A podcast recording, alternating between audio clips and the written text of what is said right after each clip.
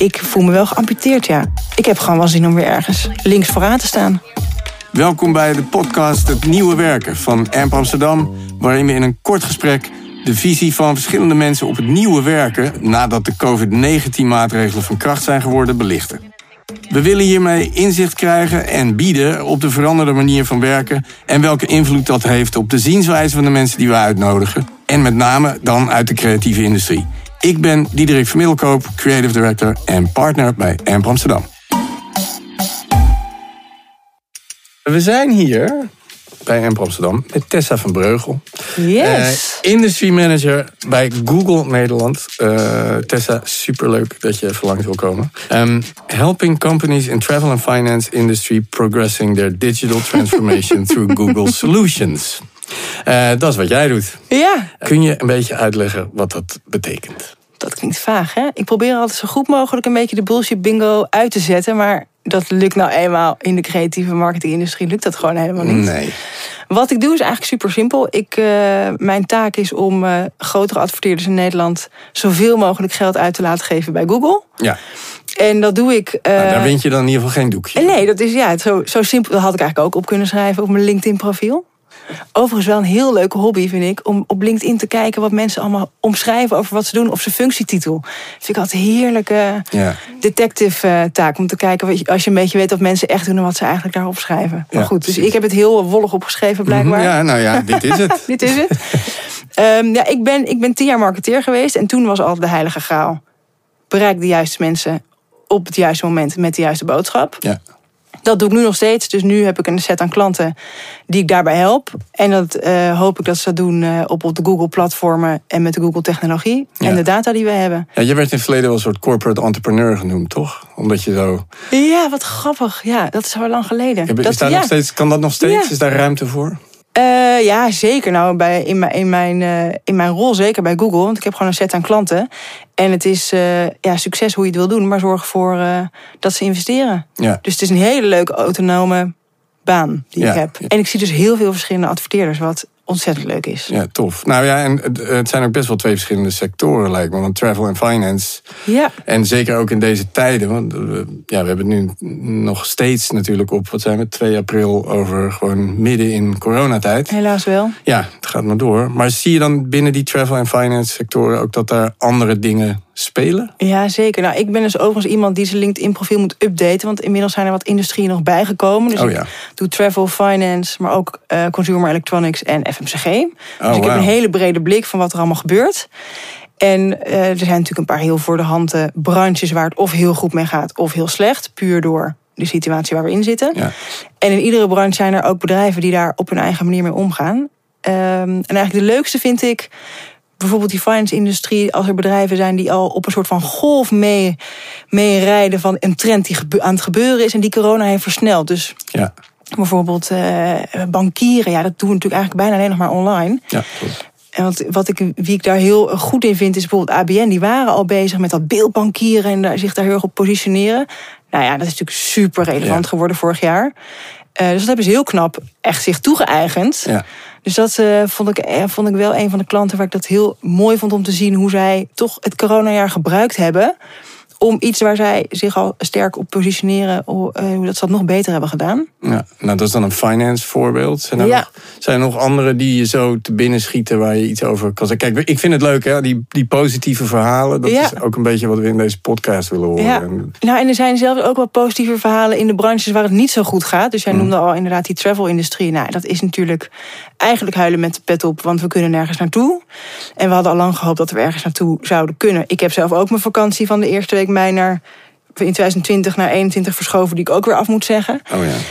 Maar dat ook juist zelfs in die branche gebeuren onwijs veel leuke dingen. Want er zijn denk ik heel veel mensen, ook in onze eigen omgeving, die bijvoorbeeld nooit voorheen überhaupt maar over nadachten om in Nederland op vakantie te gaan. Nee, klopt. En die afgelopen zomer hebben ontdekt dat er eigenlijk hartstikke veel mooie plekken zijn. En dat, er ook, dat je ook een huisje kunt huren in Zeeland. Wat helemaal niet meer zo uh, uh, shabby is als je misschien dacht Nee, van je eigen jeugd. Dus heel veel mensen zijn Nederland aan het herontdekken. En ook er zijn heel veel aanbieders die, dat, die daar super goed op in zijn gesprongen. En die daar heel veel kwaliteit bieden. Dus ik denk dat dat om mij juist weer een heel positief verhaal is voor die partijen, maar ook voor ons als consumenten, dat we eigenlijk heel veel dingen ontdekken Ja. die veel leuker zijn en waar we eigenlijk een beetje overheen hebben gekeken. Het heeft eh, de digitale transformatie, dat geef je zelf al aan, van veel bedrijven een, een vlucht doen nemen. En dus als Zeker. een accelerator gewerkt. Absoluut. Eh, Martijn Bertissen, country director Google eh, in Nederland, had het online zelfs over een versnelling van ongeveer 10 jaar in één. yes. Dat is nogal wat. Heb Ja. jij dat zo ervaren ook? Nou ja, ik denk dat de, de grootste veranderingen gebeuren natuurlijk, hebben we nu dit jaar gezien, gebeuren noodgedwongen. Ja. Dus eh, ook mensen die het meest verstokt zijn in iets in de Kalverstraat kopen, moesten nu online. Ja. En ook de meest verstokte bedrijven die echt eh, eh, vaak om best wel goede redenen, maar gewoon niet met een webshop aan de gang willen, moesten nu opeens, zowel kleine als grote bedrijven. Ja, je had geen excuus meer. Je had geen excuus meer aan, aan de consumentenkant niet en ook niet aan de, aan de adverteerders of de bedrijvenkant. En daar zijn wel onwijs veel eh, mooie dingen uitgekomen natuurlijk. Ehm, en heel veel dingen ook die mensen dus eh, anders hebben moeten doen nu. Want we gaan we ook niet meer echt weer terug naar wat het daarvoor was. Nee. Dus Nee. je ziet wat ik bij heel veel eh, eh, klanten, maar ook eh, in heel veel consumentenonderzoeken zie, is dat ook als de, toen we hebben ook natuurlijk een stuk gehad toen de winkels wel weer even open mochten. Ja. Nu mogen die winkels dan even op afspraak open. Maar je ziet dat mensen ook nu een andere gewoonte hebben ontwikkeld. Dus en iedereen kan veel makkelijker dingen online kopen. Ja. Maar als ze naar de winkel kunnen, gaan ze ook een stuk korter naar de winkel. Dus die hele route naar aankoop toe is ook allemaal online geworden. Ja. Ja, en ik denk nu iedereen dat gemak ziet, gaan we daar gewoon niet meer eh, zo snel weer vanaf. Nee, dat is, eh, en het gemak ervan en dat ervaren is natuurlijk al, al heel lang een, een belangrijke stelregel Precies. in ons vak. Als je iedere drempel die je wegneemt, die zorgt er voor dat dat gedrag gaat veranderen. Ja, wat je overigens nu wel ziet, of misschien is dat alleen in mijn eigen omgeving, maar ik hoop dat dat een grotere trend is in Nederland, is dat we als consumenten nog wel heel erg bezig zijn met wel de local supporten. Dus Ja. je ziet wel dat dichtbij veel belangrijker is Heb jij dat geworden. zelf ook? Ja, zeker. Ja, oké. Dus eh, ik had vorige week een slot van 20 minuten in een boekwinkel. En ik heb die hele boekwinkel leeg gekocht. Heeft het hele afgelopen jaar goed gemaakt. Ik heb precies hetzelfde gedaan, wat grappig. Ja, Dus, dat, dus mensen, je ziet wel dat mensen wel meer moeite willen doen om een local te supporten. Eh, maar ook waar wat dichtbij is geworden, is dat je ook de buurman meer helpt. Ja. Als iemand in quarantaine is, dat je boodschappen doet. Ja, Maar terwijl, ik weet niet, misschien wist jij voorheen misschien helemaal niet hoe die buurman heette. En nu heb je een keer boodschappen voor hem gedaan. ja. Dat, eh, dus het is, het is gemak, maar ook eh, eh, service, maar ook dingen samen doen. Ja. Ehm, ja, dan hebben we een aantal bedrijven die daar dus ontzettend goed in zijn geweest. Jullie hadden ehm, G-Star zelf nog eh, als een, een klant en, eh, Ja. en een prachtig voorbeeld. Asia Boroska van eh, Google EMEA in gesprek met Judith Hartveld, head of marketing van G-Star. Die bespraken online hoe goed dat bij hun gegaan was, hè, die digitale transformatie. Ehm, zijn er andere voorbeelden die jij er enorm vindt uitspringen. Bijvoorbeeld omdat het heel erg goed is gegaan. Of omdat je weet dat daar, daar juist iets helemaal niet goed is gegaan. Ja, nou, ik denk, ik vind de meest opvallende voorbeelden toch wel in de retailbranche, waar overigens geen van mijn klanten zit. Dus dat is meer wat ik uit het vak zie en als consument. Ja, één voorbeeld waar het echt heel slecht is gegaan, is heel duidelijk IKEA. Eigenlijk kan je dat heel makkelijk zien. Hè? Je moet eigenlijk gewoon op Facebook een paar posts kijken van een bedrijf. En, bij sommige bedrijven staan er alleen maar klaagzangen onder Ja. iedere post. Nou, dan weet je, nou, daar zit het gewoon niet goed. IKEA was natuurlijk altijd super sterk in juist mensen naar de winkel trekken. Want het, het kost dan geen geld om iets thuis te bezorgen. En als iemand in de winkel is, koopt hij ook nog wel iets wat hij helemaal niet nodig heeft. Ja. Eh, dus zij zijn heel erg bewust volgens mij niet op die e-com eh, gedoken. En nu moesten ze wel. En ik heb zoveel mensen zien klagen over hoe lang het duurde. Ja. Hoe slecht de service was. Terwijl er ook juist bedrijven zijn. eh, volgens mij heeft Vonk eh, vorige week een award gewonnen van beste webwinkel. ja, precies. Snap ik helemaal. Die hebben zo'n goede service. Dus ik denk, ja, het is wel ook weer moeilijker geworden om je echt te onderscheiden in e-commerce. Want producten zijn vaak hetzelfde. De prijs is heel moeilijk om te onderscheiden. Service blijft een beetje als echt discriminator. Dus Ja. als je dat goed kan doen, volgens mij zijn dat echt de winnaars. Ja, en dat is denk ik wat jullie ook wel hebben gepropageerd. En jullie teams. Dat je, je moet wel zorgen dat die back-office en alles wat daarin in speelt in, die, in je e-commerce omgeving. Yes. Dat dat allemaal wel op elkaar alles- aansluit. Precies. En dat je ook zelfs ook je organisatie, hoe je met elkaar werkt, minder in silo's. Nou, ik kan er een hele lecture over houden. Maar alles wel in dienst van hoe je het als consument, als gebruiker ervaart. Ja, Nou, dat, dan, en je hoeft geen lectie te geven, maar als ik dus een beetje kijk naar wat uh, collega's van jou en uh, mensen in het veld daarover zeggen, dan vallen heel veel termen als physical stores versus online retail, data-driven, customer journey, consumer behavior, strategic partnerships en organizational change en cultural change. Omdat je hebt Ja. met al deze pilaren te maken. Exact. Kan jij dan iets zeggen over hoe dat in jouw praktijk, dus hopelijk een klein beetje gestript van alle marketing maar hoe, hoe, je ze dan, hoe je ze dan helpt? En wat Ja. vind jij het meest interessant daarin? Ja, nou er zijn eigenlijk eh, van. Ik zit heel heftig ook te knikken bij alle termen die jij zegt. Want ik zie ze allemaal voorbij komen. En ze zijn allemaal heel relevant in voor ieder bedrijf. Ehm, ehm, klanten komen bij mij eigenlijk met heel veel verschillende vragen. En ik probeer altijd dan ze op de- de onderwerpen te helpen waar ik het zelf ook het meeste mee heb en waar hun bu- business het meeste mee groeit. Ik zie er eigenlijk ehm, drie, denk ik, echt grote thema's telkens terugkomen. Eén is gewoon media en creatie. Mhm. Ook dit jaar is weer het gebruik van media zo veranderd. En hoe maak je nou, dat is natuurlijk de eeuwenoude vraag of de, de- doel. Hoe maak je nou mooi creatief, creatief iets wat eh, opvalt en Ja. waarmee je de bekendheid en de relevantie van een merk of van een product groeit. Ja. En die, dat is in principe helemaal niet veranderd. Ja. Maar wel Nou hoe je mensen zelfs- bereikt en hoe mensen media gebruiken. Dat is super interessant en heel leuk onderwerp om eh, eh, met welke adverteerder dan ook naar te kijken. ja. Dat was één van drie, volgens mij, die je wilde noemen. Ja, dat was één. Dat is, dat is één die ik zelf heel leuk vind. Mhm. Twee is natuurlijk data. Eh eh, ja, gebeurt ontzettend veel op aan, rondom alle onderwerpen van data. Ik denk wat heel interessant is nu, waar je echt als eh, ehm, marketeer, zeg maar, nou ja, als je in de advertising zit mee bezig moet zijn, is wat weet je eigenlijk over je gebruiker of over je doelgroep en wat kun je daarmee? Wat zit daar nou van inzichten in? Dat is denk ik relevanter dan ooit. En het wordt ook steeds relevanter. Dus dat is wel echt een onderwerp dat altijd terugkomt. Van hoe, ehm, ja, hoe kunnen we ervoor zorgen dat de mensen die bij ons iets kopen... of die met mijn merk iets doen, dat die altijd voor mijn merk kiezen. Hoe kan ik het zo relevant mogelijk voor ze maken? Hoe kan ik het leuk en makkelijk voor ze maken? En de, de consumenten geven al superveel Ja. in, informatie aan je, hints aan je... Wat ze, eh, hoe ze dat eigenlijk zelf zouden willen. Maar dit is ook waar jij als Google, zeg maar, ze dan bij gaat helpen, toch? Ja, Ja. En, eh, eh, en helemaal niet per se met de dingen die wij weten, maar juist heel veel informatie die in een bedrijf al zit over hun bestaande klanten. En die derde is gewoon eh, nou ja, e-commerce. Dus een soort van volgens mij een heel groot thema. Wat dit jaar natuurlijk, waar we het eigenlijk net ook over hadden. Ja. Dus dat mensen online dingen kopen. En dat begint eigenlijk als je een webwinkel hebt met... ik wil zoveel mogelijk mensen naar mijn winkel. En de meest geavanceerde klanten, adverteerders... die, die kijken naar hoe haal ik nou de meest waardevolle mensen naar mijn winkel. En dat is eigenlijk hetzelfde als je een winkel in de Kalverstraat zou hebben. Je kan ervoor zorgen dat er zoveel mogelijk mensen naar binnen komen... Uh, maar je kan ook heel kritisch kijken naar wat is nou eigenlijk mijn doelstelling. Wil ik nou zoveel mogelijk omzet maken? Dus wil ik gewoon zoveel mogelijk verkopen? Of wil ik juist de dingen verkopen die het meeste winst me opleveren? Ja. En En- jezelf positioneren, zo Precies. scherp mogelijk. Ja, Er zit ook een stukje branding misschien zelfs wel in. Van, Zeker. Hoe, hoe wil ik overkomen? ja dan? zeker. Ja. Eh, ik citeer je nog even uit een interview van 2015. Je hebt echt je huiswerk gedaan. Nou ja, een hele kleine beetje. Eh, hoe meer online in het leven van mensen binnendringt, hoe meer ze behoefte krijgen aan offline.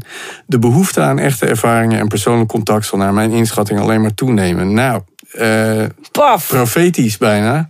We zijn nu zes jaar en een pandemie Ja. verder. Hoe, hoe kijk je hier nu naar, naar die woorden? Dat is ik kan me helemaal niet herinneren in, in welke platform, interview, whatever ik dit gezegd heb. Maar ik kan het wel met mezelf nu eens zijn. Ja, Want absoluut, eh, zeker nu we zo weinig, eh, zoveel afstand van elkaar moeten houden, letterlijk, maar ook eh, ehm, ja, die anderhalve meter, maar ook minder dingen samen kunnen doen. We hebben allemaal toch knetterveel behoefte om bij elkaar te komen, om het te laten vloeien, creatief te zijn, leuke dingen te doen, elkaar een beetje te verliezen. ja. Ja. Ontzettend, ontzettend veel behoefte aan. Ehm, wat zie jij als grootste uitdaging eh, voor de komende tijd... als je een beetje nadenkt over de bedrijven met wie je het meeste spreekt? Ehm, ja, ik, dat, dat is zo, denk ik zowel als we weer terug mogen of als dit nou allemaal nog heel veel langer duurt. We hebben het natuurlijk heel veel over eh, deze coronapandemie. Maar er is natuurlijk ook nog iets anders wat heel erg dit jaar heeft gespeeld. Al iets langer is natuurlijk het hele onderwerp van eh, inclusiviteit. Mhm. Ehm, dat zou je dan door corona misschien bijna vergeten. Maar dat samen heeft ook voor heel veel verandering en heel veel krachten gezorgd. Gaat heel veel door vloeien. Ja. Ik denk dat we superveel vooruitgang daarop maken. Al voelt het misschien soms in het debat als achteruitgang. Maar die, ik denk als je die twee gebeurtenissen ziet en, en hoe we nu samenwerken en de rol van merken daarin en hoe we met elkaar omgaan nu, maar ook straks als alles weer open mag, is voor mij het belangrijkste on- onderwerp is eh, vertrouwen bouwen. Ehm, voor, als je dus een, eh, je hebt heel veel CEO's al op deze stoel gehad, geloof ik. Dus uh, honorable om hier dan te zitten. Maar voor, voor wat je ook leidt, of het nou een productie is, of voor een commercial, of gewoon een team, of echt CEO van een bedrijf bent. Volgens mij is nu nummer één thema is vertrouwen bouwen. Omdat we op afstand zitten. Ja. Dus het is moeilijker om elkaar een beetje aan te voelen. Als jij een presentatie geeft, als ik bij jou in een ruimte zit, dan kan ik ook voelen of je meent wat je zegt. En we praten nog even na als, we, als die presentatie is geweest, of de, of de meeting of wat dan ook. Nou, het valt natuurlijk allemaal weg. Ja. Je merkt dat een beetje de uh, kleine meningsverschillinkjes worden opeens heel grote dingen, want er is veel miscommunicatie. Dus heel veel dingen worden uitvergroot. Maar ook, uh, en dat speelt ook weer in, in het hele onderwerp inclusiviteit. Dus ook juist op afstand kan makkelijker mensen een beetje kwijtraken. Dus mensen die minder, Ja. minder makkelijk zich van zichzelf laten horen, moet je er echt bij trekken. Moet je echt heel veel actiever het woord geven aan Ja, je een moet mening sommige vragen. dingen meer obvious maken dan, Precies. dan we voorheen moesten. Ja, precies. Omdat met dat formele eh gecommuniceer, waar het eigenlijk Exact. meer en meer op neerkomt, raak je een hele laag kwijt. Ja, ja, je raakt die hele emotionele laag kwijt en de, de, de laag van elkaar een beetje aanvoelen. Dat is gewoon helemaal weg. Ja. Um, en waarom dat ook met dat thema inclusiviteit te maken heeft, is omdat mensen nu ook iedereen, nou, als je dus zo'n CEO bent of een leider van wat voor een team dan ook, dan is het nu denk ik belangrijker dan ooit dat de mensen die niet op jou lijken in je team of in je organisatie, no matter in what sense, Ja. uh, toch het vertrouwen hebben dat ze gezien worden door je, dat hun, dat hun werk gewaardeerd wordt en dat je, ze, dat je ze kan laten groeien. Ja. En dat ze er mogen zijn. Ja, we hadden Maxine Penny, die uh, uh, nu een tijdje bij, uh, bij Media Monks werkt als hun Yes. Global Inclusivity Monk, om het zo Ja. maar even te noemen. Die hadden we hier, dus die, zij was de podcast voor jou. Ja, dus die heb ik nog niet gehoord. Nee, die, hebben we nog niet, die heb je ook niet kunnen. Maar die, daar gaat het dus, bij haar gaat het dus ook heel erg hierover. En het is haar rol natuurlijk. Dus het is heel grappig dat jij daar meteen op inzoomt. Ja, Want dat is het snijpunt van intermenselijk verkeer en bedrijfscultuur. exact. En Yes. eh, daar is nu zo'n gigantische schop tegen gegeven. Ja. Dat we daar volgens mij, eh, as the dust is settling, zijn we eh, zeker de grotere corporaties, die Ja. hebben daar het meeste last van, is daar nu zijn weg in aan het vinden. ja, en ik denk dat. ik vind het grappig dat je het noemt de meeste last van. Want ik denk dat het juist een super positieve ontwikkeling is. Het alleen is alleen een super pijnlijke ontwikkeling ook. Ja. En ook van alle kanten. Ik heb ook weer heel veel mensen in mijn omgeving. Bijvoorbeeld dan witte mannen die zeggen: ja, maar. Eh, eh, eh, is er dan discriminatie de andere kant op straks? Hoe zit het dan met mij? En, en ook heel veel mensen zeggen: kan ik eigenlijk nog precies wel de dingen zeggen die ik altijd zei? Of, Ja. Er is heel veel zoektocht. Ja. En, ehm, maar dat ik denk is dat een soort. Ja, precies. Uiteindelijk is het een soort eruptie van mensen die zeggen: hé, hey, ik ben hier en ik ga nu toch mijn plek claimen. Dus ik denk dat dat iets hartstikke moois is. En het is jammer dat het nog steeds nodig is. Het gaat nog super lang door, maar dit is wel een, een belangrijke trend voor nu. En juist ook met dat we dan thuis zitten en elkaar minder Ja. eh, kunnen aanvoelen, denk ik dat ook als we elkaar weer straks, als iedereen straks weer zonder belemmering elkaar kan zien, op kantoor zit, eh, producties aan het draaien is, komt er een eruptie van eh, wat we samen aan het bouwen zijn. Het vele thuiswerken voor jou en jouw team, heeft dat nog, allerlei, heeft dat nog inzichten of andere manieren van werken opgeleverd? Ja, nou, ik, ja, we, we hebben gelukkig een team waar we heel erg hebben kunnen bouwen op het vertrouwen dat we hadden gebouwd toen we nog op kantoor zaten. Dus dat, heeft, dat is echt super sterk gebleken. Ja, cool. Echt een mooie ontdekking. Dus die samenwerking gaat waanzinnig goed. Ehm, ik heb enorm te doen met mensen die nieuw ergens beginnen. Of nieuwe teams die samen moeten gaan werken. Dat lijkt me ontzettend moeilijk. Ja. Eh, dus petje af voor die mensen die dat risico nemen. Ehm, ja, en als ik even denk aan een team waar ik in zit, wat, wat een hele leuke verbindende factor is, die ook heel erg helpt trouwens om dat vertrouwen te bouwen, is humor. Mm. Ik hoor, las, lu- luisterde laatst een podcast over een onderzoek naar humor en, en teamperformance. Ehm, ja, dat als je, als je samen humor kan hebben, als je kan laten zien dat je jezelf niet altijd serieus neemt en dat dat, dat dus die baas van vertrouwen er is, dat is echt heerlijk. En als je dat kan op afstand. Ja, het is grappig dat je dat zegt. Ik, moest, uh, ik fietste gisteren langs Boom Chicago, die natuurlijk ook uh, een comedy theater, die vaak door bedrijven werden ingehuurd. Ik heb er ooit zelf ook nog wel eens gewerkt. Um, vaak voor, door bedrijven werden ingehuurd om humor te gebruiken, eigenlijk binnen teams, uh, als, een, ja, als een bindmiddel. En ja. om, om elkaar op een hele andere manier te gaan zien en te ontdekken. Uh, zij hebben zichzelf ook moeten heruitvinden. Ik heb het nog niet, niet bekeken, maar ik moet er nu aan denken. Dus ik ga dat, ik ga Vast, dat Volgens mij is er nu een enorme markt voor digitale teamuitjes. Ja. Dus dit zou daar super goed in. Ik hoop dat ze hun uh, Digital trust, is dat al een term? Is nee, oeh, dat klinkt wel. Die mag dan wel in dat rijtje met al die uh, ja, ja. lingo die we hiervoor hebben genoemd. voor wie er iets mee wil, die mag er iets die mee mag het claimen. Ja. Um, en je hebt natuurlijk uh, een jaar lang veel meer thuis doorgebracht. Ja. Um, hoe is dat persoonlijk bevallen? Nou, we, we, hadden het er al kort even over. Ik heb natuurlijk een paar van jouw podcasts uh, teruggeluisterd. En mm. ik, ik zou heel graag alle woorden willen herhalen die Maarten hier heeft gezegd. Van oh, ja. Maarten en Ruben van ja. zaten hier. Ik ben stinkend jaloers op iemand als Ruben... die echt laat zien wat hij ervan heeft gemaakt... en wat hij met zijn gezin voor extra waarde... Uh, wat, wat dit jaar hem heeft gegeven... Ja, ik, heb, ik woon dus zelf hier in de buurt uh, in Amsterdam. Dus ik heb niet een een of andere zolderkamer op de vijfde verdieping waar ik me kan afsluiten om te werken. Ik woon daar met een superleuke vriend en drie hele grappige kinderen. Um, maar dat ik er nog niet één raam uit heb gegooid dit jaar is toch wel een. Uh, pad on my own shoulder. Ja, goed gedaan. Ja, ik vind, gewoon, ik, vind, ik vind het super pittig. Ik vind ja. echt. Um, en, en in ogenschouw nemen dat dat iedereen gezond is en dat het financieel stabiel is. Dus ik mag echt 0,0 klagen.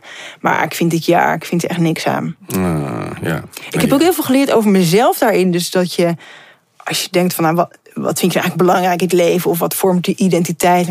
Ja, volgens mij is iedereen misschien wel een beetje op zoek naar zichzelf in het coronajaar. Maar mm -hmm.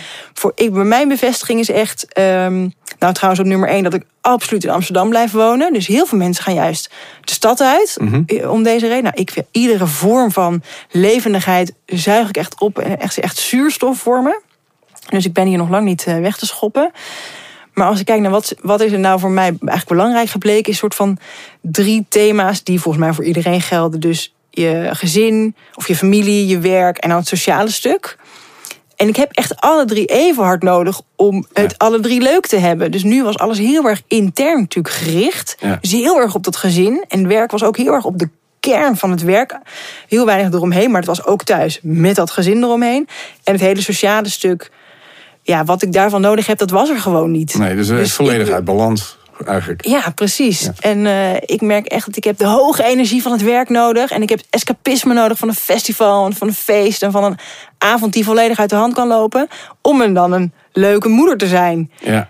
En dat, dat kan nu niet. Dus ik, ik voel me wel geamputeerd, ja. ja. Ik heb gewoon wel zin om weer ergens links vooraan te staan.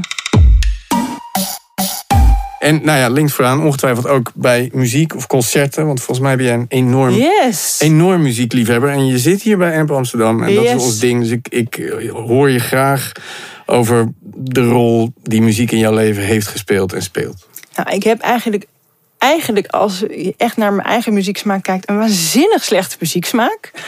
Hoezo slecht?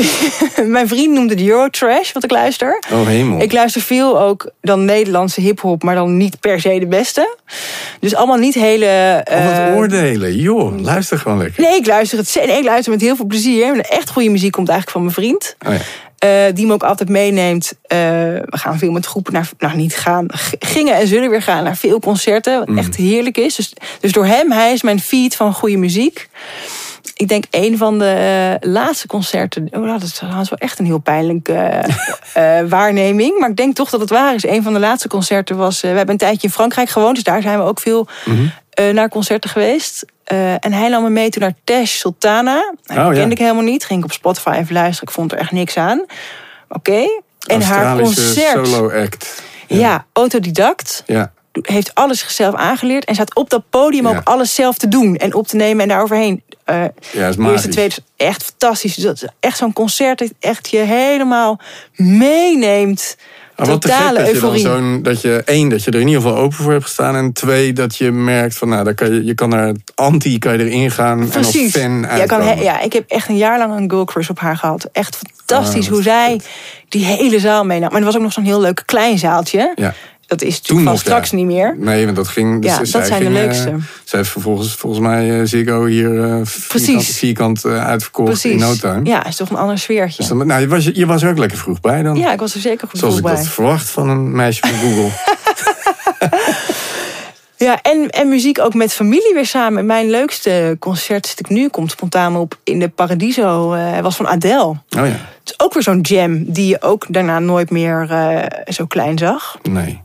En eh, dat was eh, met mijn vader en mijn zusjes, broertje samen.